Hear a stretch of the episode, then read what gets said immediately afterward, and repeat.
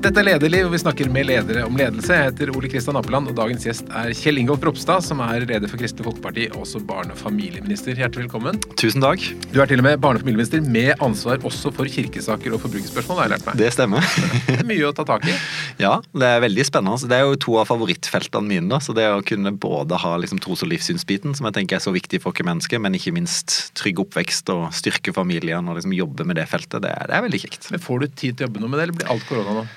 Det er feil å si alt blir korona, men eh, det er jo feil å si at jeg får veldig god tid til å jobbe med det andre. Så jeg merker jo at eh, særlig 2020, da, som et mellomvalgsår, der du som, eh, som politiker i større grad kan liksom, få tid til å tenke, legge strategi, hvilke arbeid skal du ha, det forsvant jo veldig mye håndtering. Og det er klart, særlig i startfasen der, så var det ekstremt hektisk og usikkert fordi en hadde så lite kunnskap. Så, så jeg tror nok denne perioden som statsråd ble veldig annerledes enn det jeg så for meg. Hvordan er stemningen i, i gjengen? For er da, regjeringen er jo gjengen som styrer dette. Eh, den er veldig god. Jeg tror nok, eh, jeg tror nok at uh, sentrum-høyre-regjeringa har funnet sin plass. og, og når Frp gikk ut, så tror jeg en fikk inn en del unge profiler. Eh, skapte en veldig sånn der eh, første vi gjorde, var liksom forsterke klimamålene. En kom med flere saker og en veldig ambisiøs gjeng. Så, og så tror jeg kanskje også korona har spilt inn på at en tvinges liksom til å Det blir et samhold i da. Mm. Så, så, det er veldig kjekt. Eh, så det er bra teambuilding? ja, jo, men det er jo på en måte det er en ytre mm. fiende som bare gjør at nå må vi virkelig stå sammen. Og, mm. og jeg mener jo det er veldig meningsfullt å jobbe med politikk. Du kan få lov å forandre folks hverdag til det bedre å jobbe med de små sakene og sånne ting. Men, men, det er klart at korona gjør jo på en måte alt enda viktigere. For det, det å ha dette viruset som bare må bekjempes, eh, og som er så krevende, der vi har lite kunnskap, iallfall i starten, da, om hvordan det opptrer, eh, det har jo gjort Hvordan kan du redde liv og helse? Hvordan kan du sikre at disse sårbare, utsatte eldre eller andre eh, ikke skal dø? Det har jo gjort det enda mer meningsfullt å gå på jobb, og det tror jeg vi alle kjenner på. Hvordan er arbeidsdagen for dere? Er det mye hjem, er det noe særlig hjemmekontor for statsråder, eller er det ute hele tiden? Hele Nei, det er et lite heimkontor. Jeg havna i karantene i starten og, og sjonglerte dette med to barn eh, på lik linje med mange andre arbeidstakere, og det er jo veldig lite effektivt, iallfall sånn jeg eh, klarte det. Så jeg er veldig glad for at jeg kan gå på jobb og kjenne det godt å være på kontoret. Jeg må innrømme det. Mm -hmm. Du har vel til og med eget kontor, vil jeg tro? Ja, jeg er det. For det er statsråd. Vi skal snakke litt om din eh, lederbakgrunn. Jeg har lyst til å starte da i Moisund, som er der du mm. kommer fra, ved Evje. Jeg må si, jeg, jeg kjenner ikke stedet. Fortell, Hvordan var det å vokse opp der? Jeg vokste opp eh, i et lite byggefelt, som jeg kaller det. Det var seks hus. Eh, det var veldig trygt og godt. Eh, og jeg tror kanskje som gutt på bygda, så, så hadde jeg det veldig kjekt. Vi hadde en fotballbane. Det var litt mopeder og litt biler etter hvert og sånne ting. Jeg var veldig glad i friluft, jakt og fiske. Så, så hvis jeg beskriver liksom oppveksten min, så vil jeg vel si at den var trygg og god. Jeg hadde masse å finne på av hobbyer. Vi var fire søsken, og mamma og pappa Det må jeg bare si er veldig flott og god trygg oppvekst med mamma og pappa. Alltid visst de elska meg. De var ikke noe flinke til å si det, eh, men jeg var veldig visste at de stilte opp for meg og, og med søsken. da. Eh, og det, det, tenker jeg veldig ofte på når jeg jobber, fordi mye av det jeg tenker mest på, er jo de som sliter. mot den motsatte bakgrunnen. Så jeg tenkte på liksom Ja, men med mitt utgangspunkt er ikke det en hemsko, men jeg tenker kanskje tvert imot. Jeg får lov å se liksom hvordan det kan være å vokse opp i et trygg heim, hvor mye det betyr for å forme måte, videre liv. da. Eh, den sier jo en god barndom varer livet ut, mm. og det er veldig mye i det. Du legger et veldig godt utgangspunkt. Så det, det å ha det som en bakgrunn merker jeg preger meg veldig i den rollen som barne- og familieminister. Man tenker jo Når du er KrF-er og har vokst opp der, så tenker man også kanskje at eh, kirke og søndagsskole som var en viktig del av oppveksten? ja, altså, men eh, vi var mye på bedehus, da. Eh, for det er Moisen som du nevner. Det er, eh, nå husker jeg ikke akkurat hvor mange som bor der nå, men det er vel rundt 200 mennesker. da. Så i, På skolen vi gikk på, så var vi fem i klassen. Det var meg og fire jenter, så det var en veldig fin tid. Eh, og så, så, var alle på bedehuset. Eh, om du var kristen eller ikke, det, det var liksom samlingspunktet. Eh, så, så, det var jo en veldig naturlig del av eh, egentlig hele bygda sitt, eh, sitt liv. Og så når vi vokste opp, så ble jo ting litt annerledes. Og Evje er jo det større stedet da, med, med til sammen 3500-600 innbyggere. Lever den bedehuskulturen godt fortsatt? Den lever absolutt, men, men det er nok litt endra, ja. Men, men, det er jo det som er Når jeg sier det egentlig som et samlingssted, så er det vel det det er. Sånn at på mindre steder så er det Om det er et mer sånn tradisjonelt kristen møte, eller om det er liksom en samles som, som et rekelag eller uh, ulike settinger, da, så, så, så, tror jeg at det er der mye av aktiviteten skjer. Da. Og Det, det merker jeg jo òg, sånn, for jeg ser jo åssen bedehuskultur f.eks. kan beskrives, eller en del kristen kultur kan beskrives. Men sånn jeg vokste opp, så var det jo, det var jo om å gjøre Enten det var å hekle sokker og bake kransekaker for å samle inn penger til misjon og hjelpe de som hadde det vanskeligst, eller det var rusomsorg, samle inn brukt tøy som vi kunne sende til Russland, eller det var eh, ungdomsarbeid og liksom hele tida fokus på inkludering og hva kan vi gjøre for å hjelpe de som trenger det mest. Og det, så når jeg liksom hører noe av liksom bakgrunnen, så, så, ja, jeg kan forstå noe av det. Og noe kjenner jeg liksom Der har det virkelig vært noe å jobbe med. Men, men for meg så er det liksom den omsorgen, kjærligheten for andre, da, som, som virkelig prega meg i oppveksten, og det fantastiske som skjedde ut ifra det bedehuset på Moisund. Ja, for det er sånn skildring i filmer og TV-serier og sånn, er ikke alltid så hyggelig? Nei, altså, jeg, jeg syns jo det er veldig fremmed. Uh, men, men jeg, jeg, på ingen måte sånn at ikke jeg tenker at det, det skjer stedet. Uh, og, og det, det, det, er utfordrende. men, men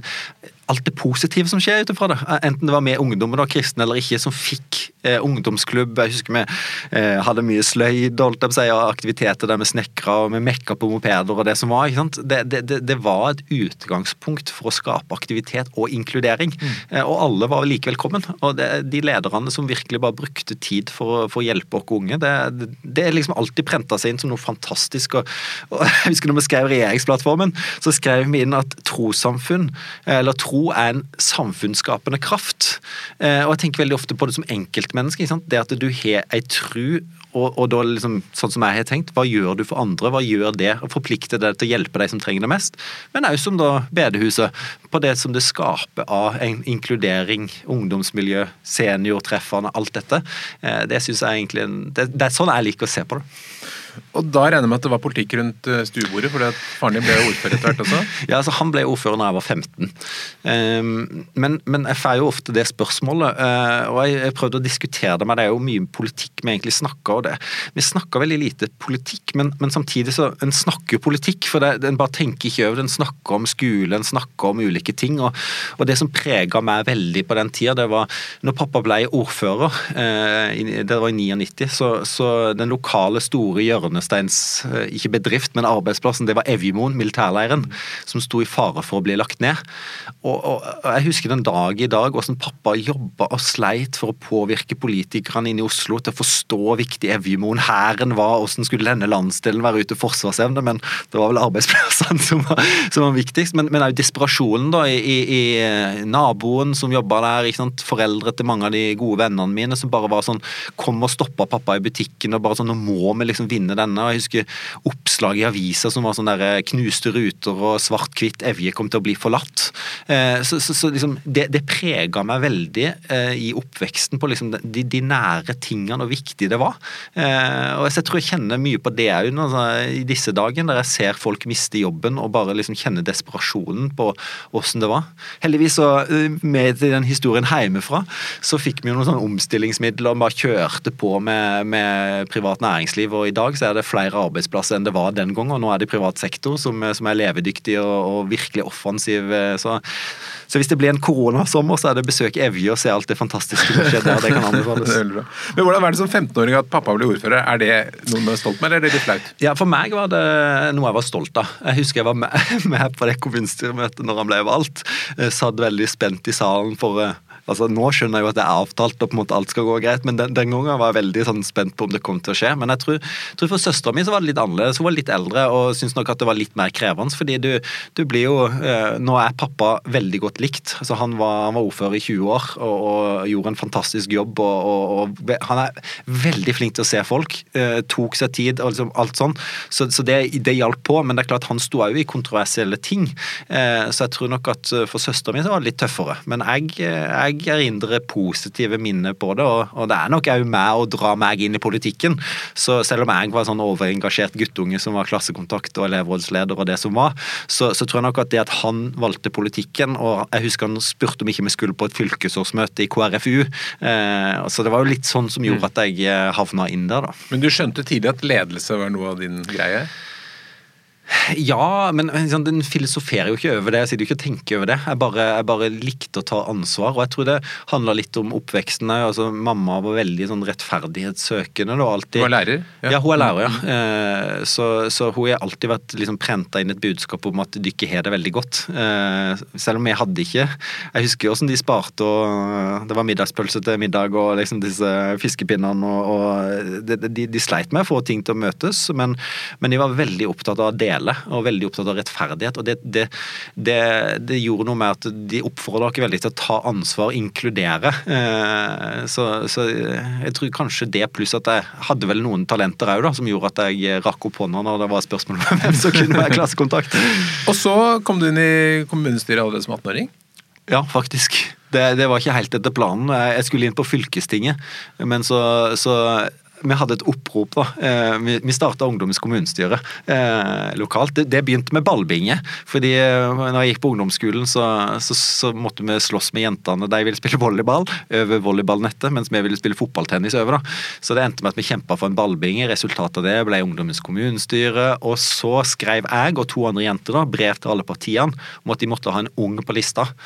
Med litt baktanke, selvfølgelig. Ja. Eh, men jeg skulle på fylkestinget, men så ble jeg kumulert inn i kommunestyret. sånn er det jo når du har samme etternavn som ordføreren. Eh, og, og, så vi tre kom faktisk inn i kommunestyret som 18-åringer. Oh, ja, som en sånn liten familiegruppe? Ja, ja. altså det, det, var veldig, veldig fint. Så vi var tre 18-åringer. Hun ene i Arbeiderpartiet og ei i SV, eh, og så meg i KrF. da. Fantastisk. Men jeg kom inn i, i fylkestinget samtidig, så den, eh, den tida på videregående eh, var litt krevende. Der jeg sjonglerte eh, eksamener, holdt jeg på å si, og, og, og politikk. ja, det ble mye på en gang. Jo, men altså, samtidig så likte jeg det høye trykket. da. Så jeg merka nesten at jeg gjorde det bedre på skolen òg, for du får jo veldig mange andre impulser, og du blir mer effektiv. og ja, Jeg syns det var veldig spennende tid. Ja, for du har jo klart å få deg utdannelse òg? Ja, iallfall litt. Eh, ja. Du har en bachelor i uh... Ja, jeg studerte juss. Jeg begynte ja, på jussen. Jeg tenkte vel å bli advokat, det var liksom der det begynte. Men så, så ble jeg KrFU-leder etter to år, og så tok jeg samfunnsøkonomi sånn at jeg fikk en bachelor til slutt. Men jobb har du aldri hatt? Sånn ordentlig vanlig? jeg har aldri jobba. Ja, jeg pleier å si jeg fiska som, eh, som åtte-niåring. Eh, vi starta eget, egen bedrift og fiska i elva og, og, og solgte fisken. Så Nei, men, men, men jeg, jeg, ble KrFU-leder, og så kom jeg på Stortinget etterpå. Så, så jeg har ofte tenkt på at det hadde vært kjekt å vært på en måte utenfor og jobba med noe helt annet. Om det var advokat det hadde blitt, eller hva det enn hadde blitt, så hadde det vært spennende som erfaring. Men, men, samtidig så tenker jeg veldig ofte, og det er særlig når en har ungdomspolitikeren i seg, så, så tenker en jo at det er viktig at en blir representert fra ulike aldersgrupper og bakgrunner. Da. Så, så jeg har noen fordeler med dette, og noen ulemper som jeg, som jeg ser. Mm. Hva var det du lærte når du da tok ledervervet lederverv i KrFU? Hvordan, hvordan angrep du den lederrollen? Ehm, det er noe av det kjekkeste jeg har gjort, det må jeg bare si. Eh, det å være ungdomspolitiker ehm, og lede et ungdomsparti. Det, det, det jeg var veldig bevisst på, var jo at um, når du er ungdom nå og kommer inn i partipolitikken, så, så, så, er det jo ulike ting som driver det. Eh, så det å kunne klare å skape mulighet, eller ha engasjement for de sakene som virkelig betyr noe for deg, enten det var fiskeripolitikk, eller det var ofte skolepolitikk, eller, eller bistand, som veldig mange går inn i KrFU med, da. Eh, så, så, det vi var veldig opptatt av, var det, og så ikke minst se eh, de som kommer inn. Og spesielt når du er leder, så, er det klart at det å, å, å se de nye, gi de tilbake tilbakemeldinger, heiarop og sånne ting, det vet en jo betyr veldig mye. Eh, så, så det var Og så ha det gøy, da. Mm. Så jeg husker at eh, altså, som jeg sier, altså, jeg oppfattes sikkert som tidenes geek, og det kan godt være at jeg er, men jeg hadde jo fotballbakgrunn og fritid og alt dette, så, så, jeg kjenner jo at det å sitte stille på møter, det kan, kan være litt krevende. Eh, så, så, vi prøvde å legge om fra hotellseminar til mer sånn hytte ute i skogen, til, til folkehøyskoler eller andre steder som både var billigere, men det var mulighet til å ha fotballturneringer og litt sånne ting. Så, så vi prøvde jo å gjøre det til mer sosial happening, da, og at det ikke bare skulle være for de som elska å gå i dressjakke som var altfor stor og, og, liksom geeke på et møte. Og da fikk du sett en del mer av Norge også? Ja, altså, det var jo kjempegøy. Vi reiste rundt i hele landet og, og altså disse konferansene der en døgner og, og bare har det gøy. Altså det, samtidig som du liksom ser det engasjementet, folk som bare brenner. Jeg, jeg, jeg nevnte jo Evjemoen her, liksom min store kampsak da jeg var liten. Jeg husker jeg stilte Kjell Magne Bondevik spørsmål om det. Jon Lille, alle som kom på konferanser, var liksom, jeg måtte spørre dem hva gjorde de for å berge Evjemoen. Og det, det, kjente meg jo igjen i liksom disse andre som kom inn og, og stilte disse spørsmålene, diskuterte politikk. Og det, det er jo helt unikt, det, det, det, verkstedet som er i disse ungdomspartiene. Eh, og Vi skal være så takknemlige for at det er sånn i Norge, for det er en kjempegod skole. Og så er vi så avhengige av å få rekruttert inn de som kan være med og, og ta vare på demokratiet. Hva er du mest fornøyd med som du fikk til i den perioden? Ja, I KrFU-perioden så tror jeg nok at, at, eh, det var nettopp organisasjonsbygginga. Eh, at vi klarte å få fylkeslag rundt om i hele landet. At vi klarte å skape et veldig godt samhold. Og, og Vi hadde jo dette slagordet med eh, 'større drømmer enn billig bensin'. Så, så Det er bra. Ja, det er det. Og ofte har jeg sagt 'større drømmer enn billig alkohol'. da. Nå, nå har jo alkoholen blitt billigere, så nå Nei, men, men, men, så kom jeg inn på Stortinget, da. Og jeg tror det, det interessante var jo at det var når jeg helt på slutten av KrFU-lederfasen. Så, så, det å kunne omsette mer av det vi jobber for i KrFU, mer inn i KrF og i Stortinget, det var jo en sånn fin balanse, da, for da, da gjenger du fra bare prinsipper, eh, idealist og sånne ting, og får litt mer real politikk inn på det. Og det tror jeg, tror jeg ungdomspolitikerne har godt av. Ja, for du fikk møte på Stortinget for, som 20-åring. Mhm. Du var i hvert fall da den yngste som hadde møtt for KrF. Jeg vet ikke, er det, er det, Står den rekorden fortsatt? Nei, den tror jeg ikke stender. Oh, det, men nå ble jeg litt usikker ja, i farten. Men i hvert fall, du var ung. Opplevde, fortell det, Hvordan opplever du å være en 20-åring og møte på Stortinget? Jeg husker NRK lagde sånn innslag med at jeg, jeg kjøpte meg dress. og det var litt sånn eh, det var, det var, jo veldig voldsomt. Eh, og det var en stor drøm. Eh, altså, ikke det at jeg liksom tenkte at jeg skulle bli heltidspolitiker, men når du jobber i et ungdomsparti og kunne få lov å komme inn døra på Stortinget og være stortingsrepresentant med fulle rettigheter, det var, det var enormt. Og jeg husker akkurat da så var det en sånn det var en sultkatastrofe på Afrikas Horn. Eh, det er det jo dessverre ofte, men, men, men, eh, men, da tenkte jeg at dette var helt unikt, og nå må vi virkelig stille opp. Så det var Jon Lilletun som var parlamentarisk leder i KrF eh, på den tida. Og da gikk jeg inn til han, og så hadde jeg skrevet et sånn skriftlig spørsmål som du kan stille til utviklingsminister, det var vel Erik Solheim som, som var det da, om at Norge skulle legge ut, altså bare betale alt det kosta, for FN hadde bedt om x antall milliarder dollar. At Norge skulle legge ut, og så skulle vi heller kreve inn pengene. sånn at en kunne sikre at de fikk maten. Eh, og jeg husker at Jon eh, smilte og når jeg spurte kan jeg stille dette spørsmålet, Jon, så smilte han godt og sa ja, det syns jeg du skal gå og stille. Det var et godt spørsmål. så det tror jeg var det første spørsmålet jeg stilte. og det, Jeg har veldig ofte tenkt tilbake på det var idealismen i meg, men det var òg Jon sin måte å møte mennesker på. Han så at dette var viktig for Kjell Ingolf, som var inne her. Han, han brant for en sak. Og det tenker jeg, det er en fantastisk måte å møte den unge KrF-eren på, som jeg håper jeg klarer å la de andre òg få lov å liksom se at dette, ok, dette er kanskje ikke det beste spørsmålet, men det er viktig for deg. Og, og, og, og jeg gjetter på at du ikke får gjennomslag for det. ja, det stemmer. Men jeg husker at Erik Solheim svarte veldig imøtekommende og liksom var veldig opptatt av saken, så jeg følte at han uh, anerkjente det. I fall. Jeg opplevde Stortinget som et inkluderende sted for unge representanter? Ja, det gjør jeg. Eh, det gjør jeg absolutt. Eh, og det er jo det som sikkert alle politikere sier, at, at på tvers av partikulturene så, så, så, har vi det veldig fint sammen. Eh, disse tøffe debattene i stortingssalen og gå i kantina etterpå og, og ete middag sammen eller drikke kaffe sammen. Og vi var en, en relativt ung gjeng som kom inn. Var, jeg kom i arbeid i sosialkomiteen i første periode sammen med Torbjørn Røe Isaksen, Robert Eriksson, Anette Trettebergstuen. Vi var en, en, en fin gjeng, da. Så på tvers av partiene, så, så, så opplevde jeg at det, det, var veldig kjekt sammen. Mm. Men da du øh, reiste rundt i Eller liksom kom ut fra, fra Sørlandet og fikk opplevd mer av øh, Norge gjennom øh, KrFU og senere sånn, så det er jo litt forskjell på hvor sterk KrF står. Eh, var det en overraskelse for deg å møte at det faktisk var ikke bibelvurdert av hele landet? Ja, altså på det, på det, beste så hadde vi jo liksom én av fem stemte KrF på Sørlandet, så, så, det er klart at, at, eh, det er jo en overgang å stå på stand i, i, i Alta kontra Kristiansand. Eh, men, men det er klart den var jo veldig klar over det, så, så um Eh, jeg tror nok at det var nyttig for meg, fordi at det, eh, det er klart at eh, det tror jeg vel alle opplever som enten det er å reise til, til en større by og studere eller å få mer perspektiv på ting. Det, det, det, var nyttig, og ikke minst med disse KrFU-erne som, som, hadde en litt annen hverdag enn det vi hadde på Sørlandet. Det, det ga nyttige impulser. Hva gjorde du for å løfte dem? Nei, Jeg tror jo nettopp det samholdet på disse konferansene var, var med på liksom at de kjente på inspirasjonen da, kjente på samholdet. Så, så, vi prøvde å lage de ulike arenaene og eh, prøvde å ha ulike setting. I dag ville det vel vært på Teams, da, men, også bare få de der faste møtepunktene og, og opprette Jeg husker vi hadde lagd sånn fylkeskontakter, sånn at alle skulle få en telefon i det var kanskje bare i måneden, da, men allikevel altså, bli sett på den måten og få, få heiarop. Eh, fordi det er jo et engasjement som er frivillig, og i tillegg til alt annet. Så, så jeg tror jo jeg tror det er en viktig faktor eh, å bli sett, da. Uh, ikke bare i, i, politikken, men på alle fronter. Så, så, så, det var vi veldig opptatt av. Hvordan går det med ungdomsarbeidet i KrF? De gjenger egentlig veldig bra. Mm. Uh, og, og, de gjør en fantastisk innsats nå. og det er klart Jeg har hatt tett kontakt med det de siste tida. og Å drive et ungdomsparti på Teams er jo, er jo ikke det samme.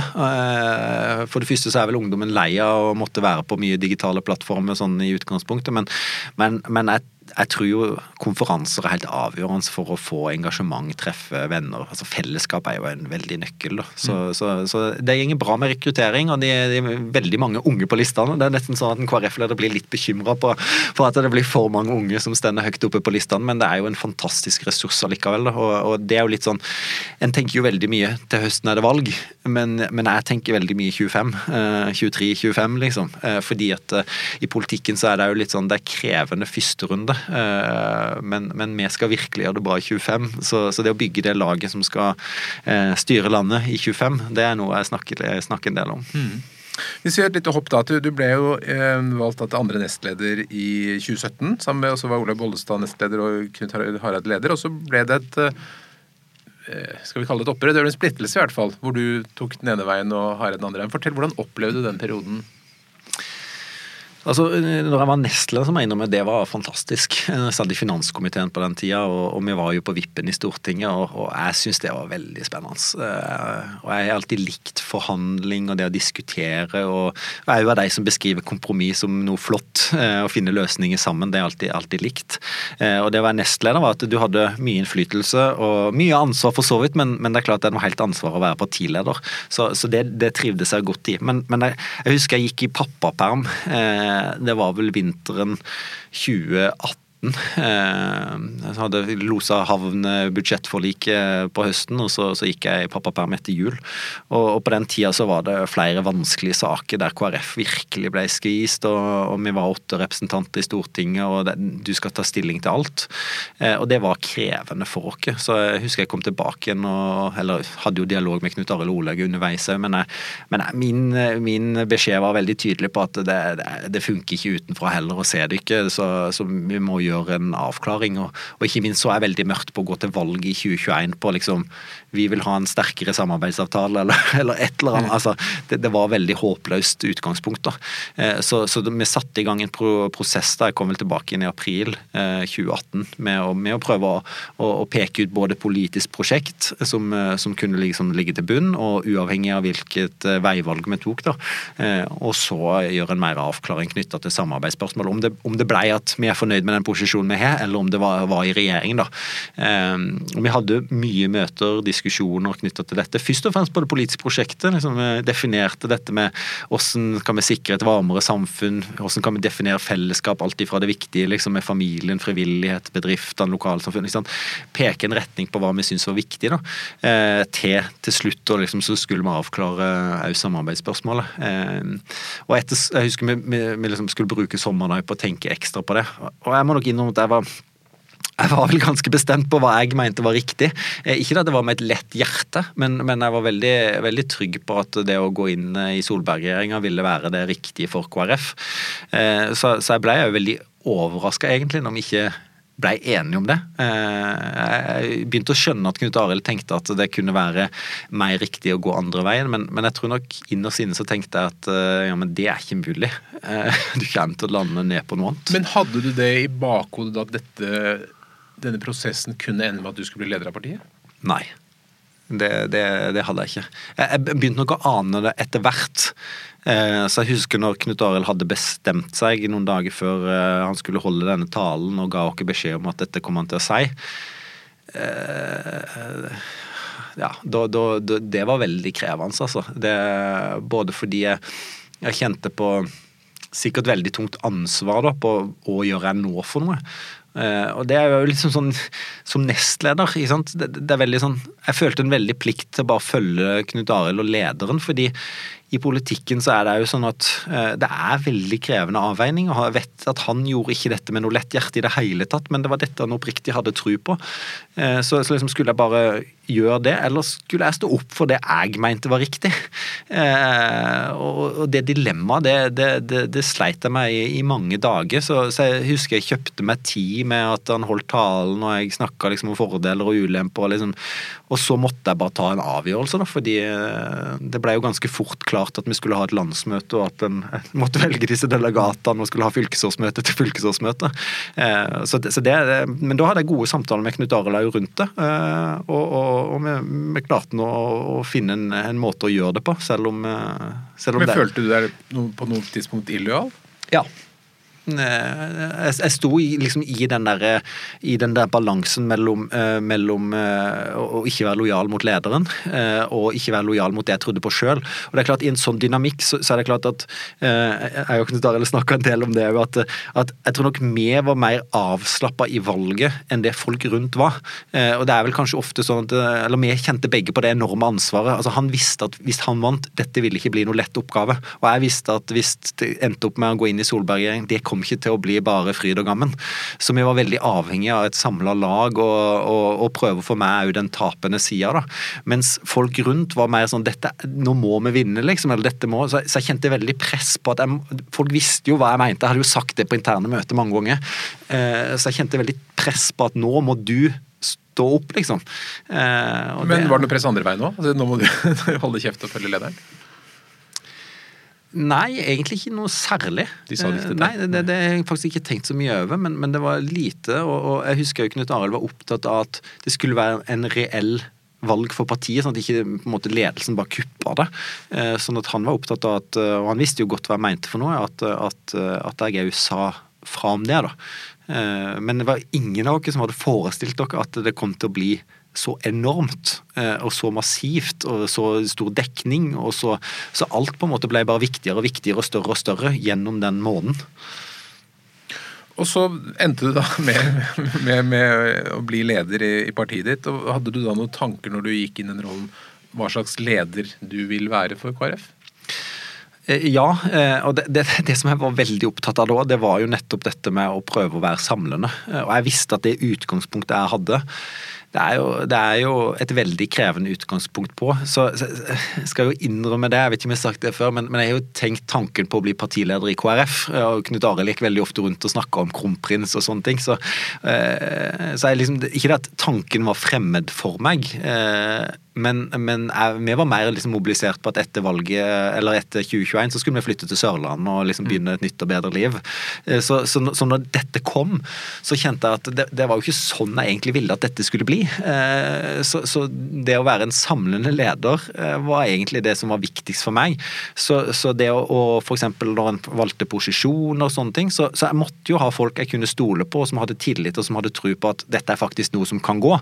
Men jeg var veldig opptatt av bredden. da så det, det har egentlig ligget veldig gjennom, og jeg har prøvd å, og òg i alt fra taler til dialog med landsstyret om, om, å komme i møte. fordi eh, jeg håper jo virkelig ikke at det er sånn mange andre ledere opplever det, men, men det, å, det, å, overta eh, et parti som er så delt Splitta er et ord jeg ikke mm. liker, fordi eh, tross alt så opplevde jeg at eh, de, veldig mange sa at ok, det gikk ikke som jeg ville, men nå må vi berge partiet fordi at det at det er et verdiparti, noen som slåss for familiene eller for disse sakene, det er så viktig, og derfor så skal vi få det til å funke. Så, så det var liksom å prøve å fange opp den da, og, og oppildne de som òg opplevde et tap og veldig skuffelse over det, til at det, her var det rom for deg. Var du redd for at det skulle sprekke? Egentlig ikke. Eh, kanskje naivt, men, men, men, jeg tror vi, vi hadde snakka så mye om det òg i ledelsen, om at vi er så avhengige av hverandre, uh, uansett utfall, at skal dette gå, så, så må vi liksom jobbe. Så, så, men jeg begynte jo å ane ganske tidlig at det kunne startes et nytt parti. da. Det, det, det, det begynte jeg å få tilbakemeldinger på. Men, men, jeg var mer bekymra for at flinke folk som bare hadde et litt annet syn på akkurat hvem som burde være statsminister, eller hvem vi burde samarbeide med, forsvant ut av partiet. Og det er jo noe av det som har vært mest vondt for meg òg. Å se personer som har hatt så mye gøy med opp igjennom i KrFU, og liksom virkelig ledd sammen og opplevd meningsfulle ting sammen, bare forsvinne ut. Eh, så, så var egentlig liksom det jeg var mest bekymra for, at nå mister vi flotte folk som virkelig er talent, og som vi trenger framover. Eh, jeg tror ikke jeg tenkte så mye over at det nå gjenger liksom til en eh, partisplittelse. Men du ville selvfølgelig da være samlende. Hvordan gjorde du det i praksis, altså helt konkret, hvordan, hva gjorde du for å samle? Ja, Vi sleit jo med disse merkelappene. så, så, så, det å være hele tida bevisst på balanse, da, det, det, var jeg. Og så vil sikkert folk si at ikke det klarte vi det klarte vi ikke godt nok. Men, men uh, bare sånn som å, at Knut Arild var villig til å gå inn i regjering, det betydde enormt mye for meg. Uh, for det er klart at det, det gjør det jo mye lettere nå å lede partiet, for nå, nå, er det en helt annen situasjon. Det er klart Nå er Frp ute òg, så vi har fått den regjeringa som, som jeg sier litt flåsete vi gikk til valg på i 2005, 9, 13, 17 og eh, endelig er vi der, liksom. Så, så, så, så, det var en viktig bit. Men, men det var jo òg å prøve å se folk, da. Eh, og det, det, det merker jo overgangen til å være partileder, statsråd og pappa, som jo òg er en eh, veldig viktig del av livet mitt, og som tar mye tid men samtidig klare å se folk eh, og, anerkjenne dem, og òg vise at jeg er ikke mørkeblå, liksom. Jeg, jeg, mener at eh, KrF skal være det sentrumspartiet, det kristendemokratiske sentrumspartiet. Det, så det var mye både å bruke ord, eh, velge saker og prøve å se folk. Eh, men det var, det var veldig krevende tid. Det er ikke noe annet å si. Men det er paradoks når du sier at liksom, endelig er vi der vi skal være, og så mm. samtidig så har du vel omtrent tidenes laveste meningsmålinger. Det er en vanskelig situasjon. Ja, samtidig så er det liksom sånn Vi fikk 4,2% i 2017, og, og vi hadde en kjempegod posisjon i Stortinget. sant? Vi sto på vippen, og du kan tenke at det må jo være drømmen. Men målingene var jo rundt 4 hele veien. Eh, og så kom vi etter vi gikk i regjering, så har det jo ligget liksom i underkant av 4 men vi klarte 4,1% på fylkestingsvalget. Og for meg var det en, det må jeg si var en veldig lett lettelse. Eh, fordi at fylkestingsvalg er litt mer sånn sammenlignbart med storting. Og selv om vi var i en veldig krevende situasjon som parti, vi er jo mye bedre stilt nå enn det vi var da, så klarte vi å mobilisere. Og det er så mange flotte KrF-er rundt i hele landet som virkelig bare eh, mobiliserte. da. Eh, og det viste at det var mulig. Så, så med det utgangspunktet vi har nå, med et snitt på 3,4, som er altfor dårlig, mm. så er det likevel fullt mulig å mobilisere. Så, så, det vi har faktisk brukt mest tid på, og er jo gjennom korona, det har vært å bygge organisasjon. Så så, så, jeg tror vi egentlig er mye bedre rusta enn det vi var i, iallfall i 19, men, men, vi har et godt utgangspunkt. Så selv om de siste promillene opp til, til, til, til firetallet, det, det, det, vet vi er veldig krevende, så er det veldig, veldig mulig. Og vi hadde senest konferanse nå i helga der det skulle være 300 fysisk, men vi var iallfall 500 digitalt. Så, så er, jeg opplever en sånn veldig eh, mobilisering i partiet, da. Hva, hva gjør de lave tallene med partiet? Blir man frustrert, eller blir man kampvillig? Eh, jeg tror det er begge deler. Eh, det, er jo aldri kjekt å få dårlige målinger, eller måtte kommentere dårlige målinger. Hva er det du gjør feil, og hva er det, ikke sant. Eh, men, men, men, men det er jo òg nå er vi i en situasjon som er veldig alvorlig. Eh, og det er liksom være eller ikke være for partiet. Og det er jo en mobilisering i det. Altså, så, jeg, så, jeg, tror det er mange som tenker at eh, ok, nå må vi virkelig brette opp ermene. Og selv om det alt er, ikke alt er sånn som jeg skulle ønske, eller jeg skulle virkelig kjempe for det istedenfor, så, så kjenner de at eh, skal vi, skal vi, ha KrF som et verktøy da, for å få gjennomslag for viktige saker, så, så må, vi, må, vi, stå på. da. Det, så hvordan jobber du for å bygge organisasjonene? Eh, for det første så er vi en generalsekretær som, eh, som er ekstremt dyktig. Og det, og det, tenker jeg det har vært det viktigste for meg, å få inn flinke folk rundt meg. Helst folk som er mye bedre enn meg, og spesielt på det de skal jobbe med. Eh, så det, det å, å Vi har brukt mye ressurser økonomisk på, på, organisasjonsbygging, og nå blir det jo mye Teams og sånne ting, men det gjør jo at du får fylt opp alt fra fylkesledere til lokallag på en mye bedre måte. Utviklet skoleringsapper. Så, så det, det, er en veldig viktig bit. Men, men er et politisk parti òg, så politikken kan aldri kobles av på en måte organisasjonsbygginga. Den er viktig, men, men, politikken vil alltid være, være avgjørende. Så, så, det er jo å prøve å løfte de sakene som, som jeg vet òg eh, kan mobilisere, som vi har eierskap til. Mm. Eh, det er jo litt sånn i politikken, hvis alt dreier seg om ett saksfelt, og du kommer godt ut på det, så er det ikke sikkert du får stemmene fordi det er et annet parti som er, er troverdigheten på det. Vi har veldig god troverdighet på familiepolitikk, vi har god troverdighet på, på eldreomsorg, og vi har god troverdighet på verdispørsmål. Så det, når det er litt viktigere for folk, vi kommer ut med det, så vet jeg jo at det kan, kan føre til, til, oppslutning. Så det er å skolere organisasjonen i at dette er det viktige, da, og få samhold rundt det. Og det opplever jeg vi lykkes godt med. Hva tenker du er vinnersaken deres, da? Nei, jeg tror jo, altså Hadde familiepolitikk eh, blitt så viktig for velgerne at eh, det er det som avgjør hva du stemmer på, så hadde vi vunnet valget. Da hadde vi hatt 10 Det, det tror jeg. Eh, så, så, så, det er ingen tvil om at oppvekst, og så ikke bare snakke kontantstøtte, liksom, selv om det er et symbol på Det er det dere på en måte eier? Ja, ja og det eier vi virkelig, men, men liksom, det handler jo mer om synet på liksom, ideologisk, da, på at vi tror at det er hver enkelt familie som, som i størst mulig grad bør styre sine valg, enten det er foreldrepermisjon eller det er kontantstøtte eller det er eh, skole. ikke sant? Altså At du, du, kan gi mer myndighet og at valgene tas lokalt. Så, så vi prøver å breie ut sånn at det òg handler om skolepolitikk, eh, ikke bare liksom de første, første månedene. Så det, der, der, der, har vi jo eierskap òg. men, men, jeg tror hvis vi lykkes med eldreomsorg, så, så vil det være viktig for oss. Eh, men er ikke det noe alle sier? Jo, samtidig så er det noe med den troverdigheten. da, at Hvis du spør velgere, så, så kommer KrF mye høyere ut på at vi har, en god politikk for eldre. Eh, og Det er jo et kjempepre. Eh, og, og, jeg tror bare korona, da, med de utfordringene det har vist altså Det vist hvor viktig fellesskapet er. Så Ofte så sier jo jeg òg at når Norge stengte ned, men Norge stengte ikke ned. Altså De store fellesskapene som er kjempeviktige, enten det er skole, barnehage eller arbeidsplassen, de stengte ned. Men familiene gikk jo på full maskin, som er det viktigste fellesskapet. Og du ser jo på en måte der familiene fungerte, har veldig mange sagt at vi hadde det bedre. Vi fikk mer tid sammen, mindre kaos, mindre eh, tidsklemme. Mens de som har hatt det vanskelig, da, eh, et familie som sleit i utgangspunktet, kan ofte være forsterka på en måte at det blir verre. Eh, og sånn, sånn, er det med, med, med de, de, som har vært ensomme òg, og spesielt eldre som bor alene, som opplever at ektefelle er død eller venner i større grad faller fra, så, så blir det naturlig min, mindre liksom, av fellesskapene. Og Der tror jeg vi har et pre. da, så, så, Det å snakke om alderdom som mer enn bare de aller sykeste, men, men skape livskvalitet i den fasen, da, det, det lykkes vi med løsninger der, så tror jeg, tror jeg det kan funke. Hvor er det du tenker du kan hente velgere fra? Eh, nei, Det er jo de partiene som gjør det godt. da. Altså, jeg tror Verken Arbeiderpartiet eller Frp er det mye å hente. Der er de, der er de skrapt. så det er klart at uh, Alt fra, fra Senterpartiet og, og, Høyre vet vi jo at det er en del velgere. Men, men det en ser på KrF-velgerne, er at mange sitter på gjerdet. Uh, så jeg tror jo det handler litt om den perioden vi har vært gjennom. At de er litt usikre.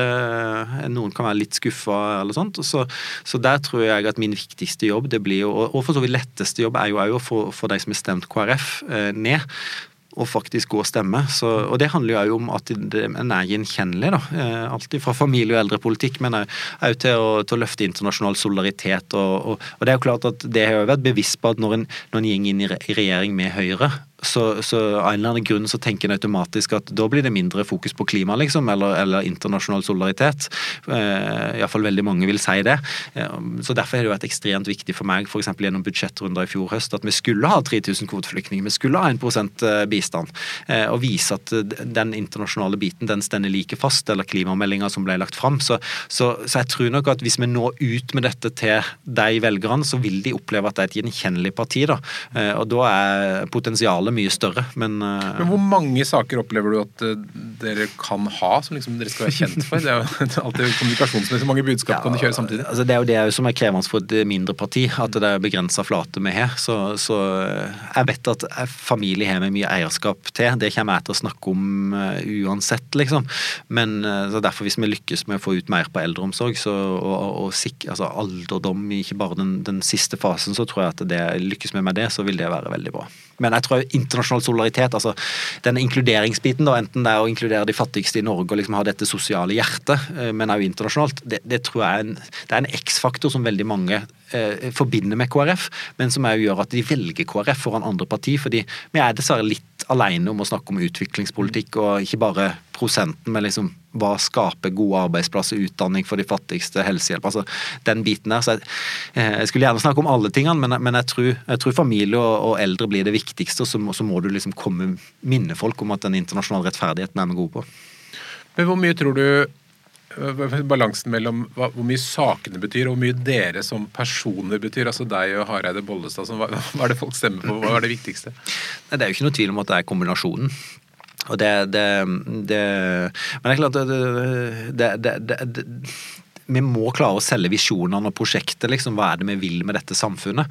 Um, og der, der, er det jo sånn, I politikken så blir det veldig kortsiktig, og du snakker om den enkelte saken. Og, og når jeg snakker om et barnevennlig, familievennlig samfunn, så er det jo et, en mye lengre vei enn bare akkurat det å nå øke barnetrygden, f.eks., eller akkurat nå gjøre, gjøre en fase. Så, så, jeg tror jo at det, det, blir en veldig viktig oppgave for oss. Sånn historisk i KrF, hva føler du har vært de mest vellykkede kommunikasjonsgrepene eller, eller sakene som dere virkelig har vunnet på? Eh, altså det letteste er jo, sånn, gitt min alder òg, er jo å trekke fram 97-valget. da. Eh, der det åpenbart både vokste fram en, en, mellomposisjon der Kjell Magne kom ut og, og, kunne peke på et tredje alternativ, eh, samtidig som du hadde en, en knapphet på barnehageplasser mm. og den ut, dobbel urettferdigheten at ikke bare subsidierte med barnehageplassene, som du, du fikk barnehageplassen og den mye billigere. Eh, så det oppleves dobbel straff da med å ikke få plassen. Mm. Så når du kom med kontantstøtta, liksom ideologisk sak, men òg ga folk eh, mulighet til å kunne, kunne Eller fikk penger, da. Det, det, det, var jo en kjempe, kjempesak som viste forskjellen på, på sidene, og som, som, ga KrF eh, veldig oppslutning. Og en så sterk sak har dere ikke nå? Nei, det tror jeg vi må bare erkjenne at vi ikke har. Og så, så, så, jobber vi med det på, på, på alderdom-biten. da. Og jeg tror, altså Hvis du tar pårørendeomsorgen, eh, snakker mye om småbarnsforeldre som har en krevende tid, men, men, jeg ser bare på mine egne foreldre, som er i den fasen at de både er besteforeldre og gjør en fantastisk jobb for oss, samtidig som de har foreldre som, eh, som begynner å, å trenge, trenge, hjelp. Eh, og Det å stå i den spagaten der, og all den innsatsen de gjør, tenker jeg vi må verdsette mer. Mm. Og når en ser på Vi jobber jo med perspektivmelding. Hvis en ser inn i horisonten, så, så er det fantastisk. Vi lever jo lenger, men det betyr jo en utfordring for samfunnet.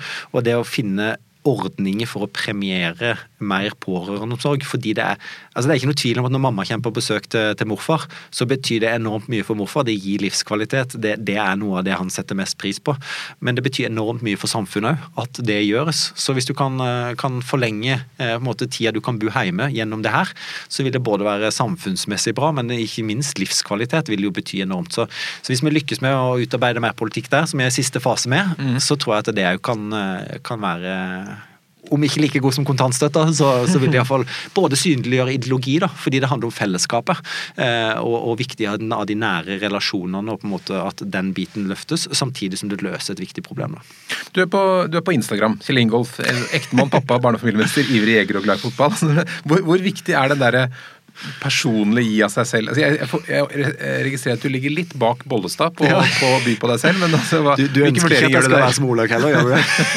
nei, hver, man velger jo sin stil, men hva er tanken, hva er, din, hva er din vurdering? Hva ligger bak? Uh, nei, altså, jeg har jo altså, uh, det, det, sånn, min, min, første fase som politiker var jo veldig avslappa. Jeg hadde veldig, veldig sånn, Balansen mellom privat og personlig var, var mer sånn flytende.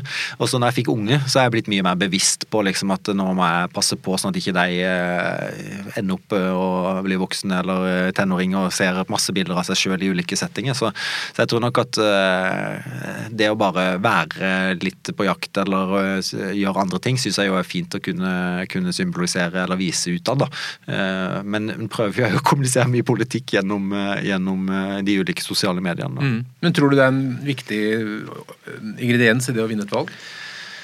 Ja, det, det, tror jeg nok, men, men jeg tror jo altså, Når du nevner Olaug, hun er jo seg sjøl. Eh, det første jeg sa til hun var jo du er jo gal, Olaug. altså Du må slutte med disse halvnakne bildene. liksom. Eh, men, men, hun treffer jo virkelig en sant? Men det er jo fordi at hun er seg sjøl. Så, så, jeg tror bare at, eh, at, å få meg til å gjøre det, det, det ville jeg aldri ha gjort. Men å, men å, få lov å være seg sjøl på ulike medium, det, det, tror jeg er viktig. Men, men, jeg tror jo, så hvis du sammenligner min antall følgerskare med hos sin, så er det klart at hun nå når jo mye bedre ut, og det tror jeg er bra for KrF. Altså Det viser jo bredden i partiet, at vi har forskjellige personligheter. og det, Jeg tror det handler litt om å kunne identifisere seg litt med de som, eh, som en skal stemme på. Mm. Eh, hvordan vil du at folk eh, både i, i, partiet og andre skal oppleve deg? Hvordan skal de se på deg som en, som en lederperson?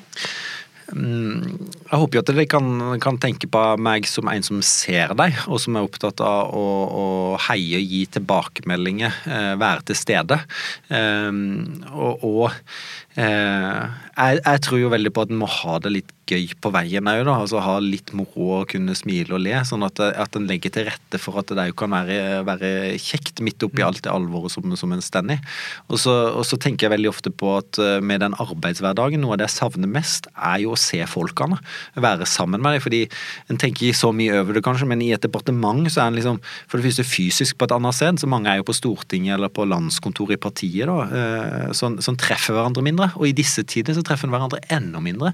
Så det er noe av det jeg syns er mest krevende å kunne virkelig få brukt tid, snakke om åssen du har det. Det er små samtalene som du får mens du fyller kaffe ute i ganga. Mm. Hvordan preger kristne grunnsynet lederskapet ditt? Går, går du til Bibelen for å finne ledertips?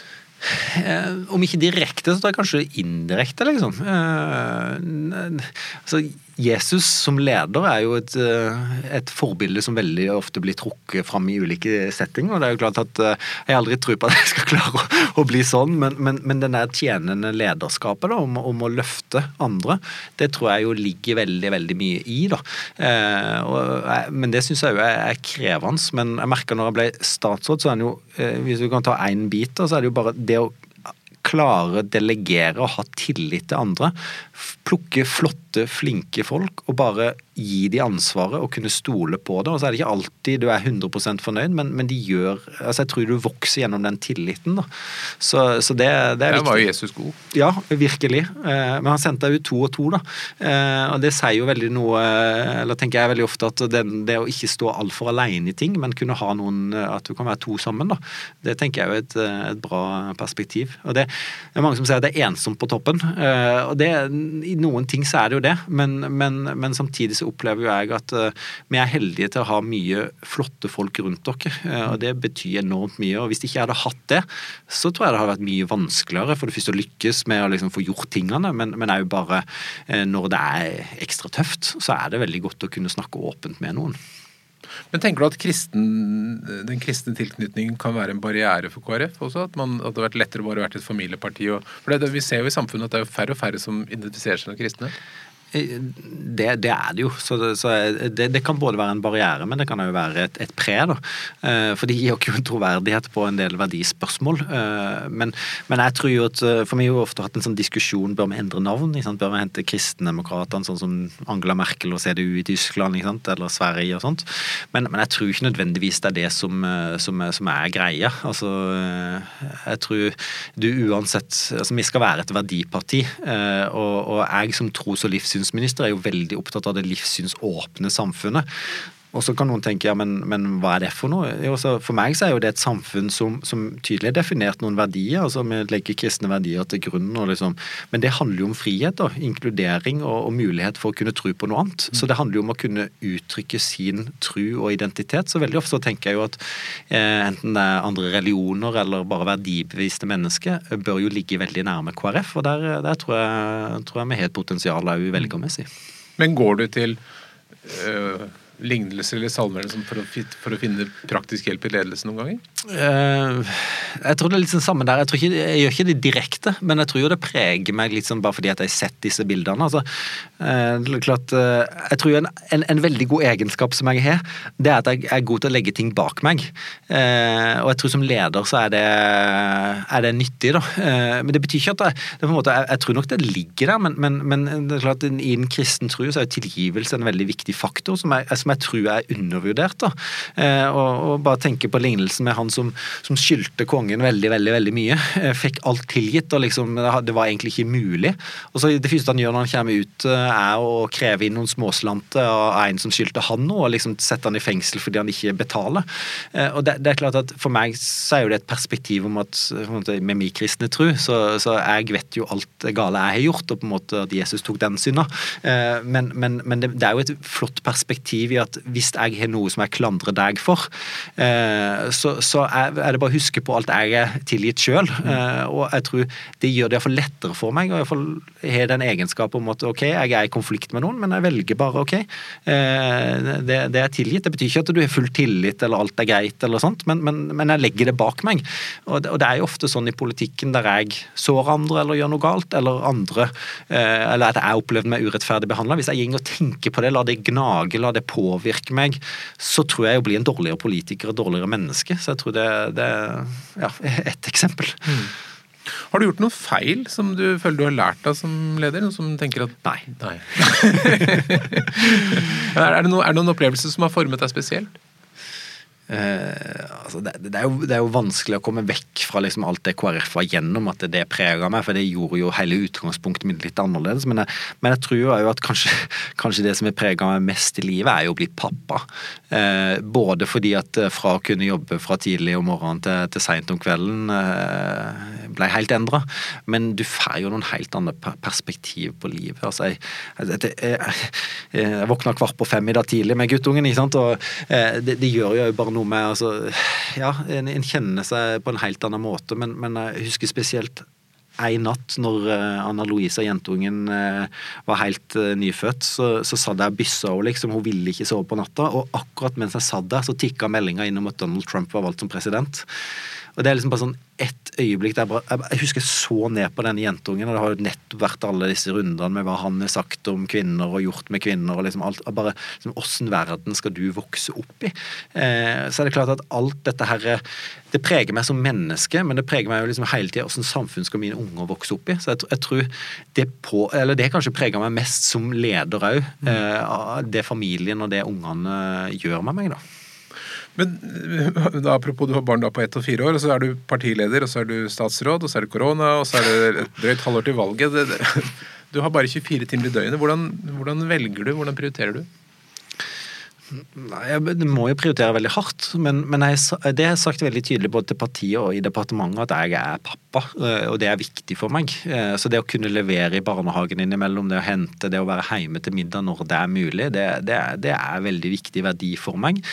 Så det betyr at jeg prøver å ikke starte for tidlig i møtet hvis jeg slipper, eh, så jeg kan være litt til stede der, og så, og så bidra til legginga. Så det, det er bare ja, Der er statsministeren raus. Vi hadde mye møter, sånn partiledermøter klokka seks. Og Det er jo ubrukelig med tanke på leggetid. Eh, så, så når jeg bare var tydelig på at kan vi ta det åtte istedenfor, eh, så, så var hun åpen for det. Så, så bare gjør sånne, sånne valg, det, det, er viktig. Men det er klart, korona har nok òg hjulpet meg litt, hvis jeg skal være helt ærlig på privaten. at, at eh, en flott del av jobben er jo all reisinga. Eh, og Det gir meg masse inspirasjon, og det er forferdelig at ikke vi kan gjøre det. Men det er klart på heimbane så merker jeg jo at fruene er jo mer fornøyd med at jeg er mer til stede. Så selv om det blir mye håndtering, så er det jo mye av reisinga, konferansene og alt dette som går vekk. Så, sånn sett så har vi jo fått mer tid sammen. Så, så eh, ja. Jeg, jeg, tror nok folk opplever at det betyr at jeg ikke kan, kan være så mye til stede, og at jeg prioriterer hardt på det. Men jeg vet at jeg blir et bedre menneske, og dermed òg en bedre mm. politiker. Og det er ingen andre som ser helheten i kabalen eh, enn meg sjøl og min rådgiver som styrer kalenderen. Eh, så, så det må jeg bare gjøre. Hvis det skulle skje et mirakel, da så, som mirakel som, som, så, at da, Etter valget så ble det faktisk et solid KrF-flertall på Stortinget. Du ble statsminister og kunne styre okay. helt som du ville. Hvordan hadde Norge blitt seende ut da? Da hadde det blitt et veldig barnevennlig og familievennlig samfunn. Uh, tydelig på at uh, det å prioritere familie det er fullt lov, det må gå foran andre ting òg. Eh, og et mye mer sånn samfunn som, som bygger rundt, rundt, de små fellesskapene. premiere denne pårørendeomsorgen og eldreomsorgen. og så så håper jeg jo at det har vært et samfunn der vi brydde oss enda mer om hverandre, tok ansvar for hverandre. Eh, der en liksom denne kulturen som jeg beskrev om at, eh, at eh, en hele tida tenker på hva kan jeg gjøre for naboen min, for, eh, for venner, og, men òg de du ikke kjenner. Det, det hadde vært en, en drøm, altså. Og, og, og, ikke minst det er jo et land som, som virkelig så at vi er så rikt uh, velsigna. Vi har fått så enormt mye, og, og tenker på at uh, det er andre som har det mye verre enn oss. Og Det syns jeg jo er liksom prega Norge gjennom hele historien, og det, det, det er en egenskap som, som, jeg virkelig håper hadde prenta seg. Mm. Helt til slutt, eh, Kjell Ingolf Ropstad. Hvis det kommer en ung person til deg og sier jeg, jeg har lyst til å bli leder, jeg vil bli sånn stor leder sånn som deg, hva er de tre viktigste lederrådene du vil gi? Um, jeg tror kanskje den er klisjeen om å være seg sjøl, men, men, eh, jeg tror jo hele tida du skal terpe på ting. Men, men, det å ikke tro at du må en, fylle en bestemt rolle, men se hva du er god på sjøl, og, og, dyrke det, eh, og så hele tida jobbe med de andre tingene, det, det, det tror jeg er viktig. Altså, eh, det å se folk, det tror jeg er en veldig viktig del av, av ledelse. Å gi folk tilliten og òg heie på, på hver enkelt. Og så eh, ja, kanskje, kanskje, være god på tilbakemeldinger. Eh, det kjenner jeg jo sliter med hver eneste eh, dag. At, eh, men jeg tror at når du gir tillit, så er det jo viktig at du, du kan gi tilbakemelding til folk. Både på det som ikke fungerer, men også det som fungerer. Og det, Da tror jeg du får veldig mye mer dedikert arbeid. Men jeg syns jo det, det at de, de som jobber for deg, ser noe større med det å jobbe med. Altså Du jobber for noe større enn bare lønna. Det tror jeg er en viktig bit. da. Så, så du, må, du, må, jo klare å, å tenne den visjonen den, peke den retninga. Det kjenner jeg sjøl at når, når, en, når en har noe bestemt å jobbe for, jeg har hatt ledere som virkelig bare der skal vi, så er det veldig inspirerende. Er det én politisk leder du har latt deg særlig inspirere? altså, jeg, har alltid trukket fram William Wilberforce som mitt politiske forbilde. Han, eh, han eh, levde for et par hundre år siden. Eh, ble valgt inn i det britiske parlamentet sånn i midten av 20-årene, som jeg pleier å si en perfekt alder å bli valgt inn i parlamentet på. Men han, han hadde en reise, altså han ble kristen, eh, så han kom på et tidspunkt der hans store sak det var å bekjempe slaveriet i Storbritannia. For han mente at alle mennesker er samme verdi, eh, og dermed ville han avskaffe slaveriet. Det er litt som å avskaffe oljeleiting og, virksomhet mm. i Norge, fordi Storbritannia var så avhengig av det. Eh, men, men når han ble kristen, så var det sånn, han følte at jeg må heller følge det kallet og drive evangelisering og få folk til å bli kristne. Liksom, det er viktigere. Men da sa vennene hans at vi, vi trenger deg liksom begge deler. Vi må bruke verdiene dine i politikken, og vi trenger deg for å kjempe saken. Og jeg tror nok både at jeg kjent, kjente litt på det samme i oppveksten, da, eller når jeg begynte, jeg var jo en lederperson i ulike kristne sammenhenger og, og begynte å bruke mye tid på politikken. Så måten han bare dedikert kjempa år etter år og fremma forslag om å forby slaveriet, og, og, og ble håna latterliggjort og liksom beskyldt for det ene og det andre, det, det inspirerte meg veldig til at, at uh, en som virkelig stender for den type saker og brenner for det og viser det med å kjempe, det, det, det har både vært en trøst, men en veldig stor inspirasjon. da. Så, så William Wilberforce er så med andre ord, du kommer, til, du kommer, ikke til å gi deg så veldig lett? Nei, altså, men, men, jeg tror jo jeg er en person som har lave skuldre og, og, på en måte er god til å stå i ting. Eh, selv om det jo kan koste, så, så, så tror jeg jo det er iallfall en, en viktig egenskap. Da. Jeg vet at det er mange som heier òg, selv om det er mange som eventuelt er uenige. Fin avslutning. Tusen takk for at du kom til Redeliv, Kjell Ingolf Ropstad. Tusen takk. Lederliv er en podkast fra Apeland. Vi legger ut nye episoder hver fredag, og du kan trykke abonner, så får du et varsel. Redaksjonen består av Ellen Paulsen, Lars Jarle Melum, Lars Bolden og meg, som heter Ole Kristian Apeland. Vi er veldig mottagelige for ros og ris på e-post til meg, ole at apeland.no. Eller du kan gi oss en stjerne der hvor du hører podkasten. Takk for at du lytter.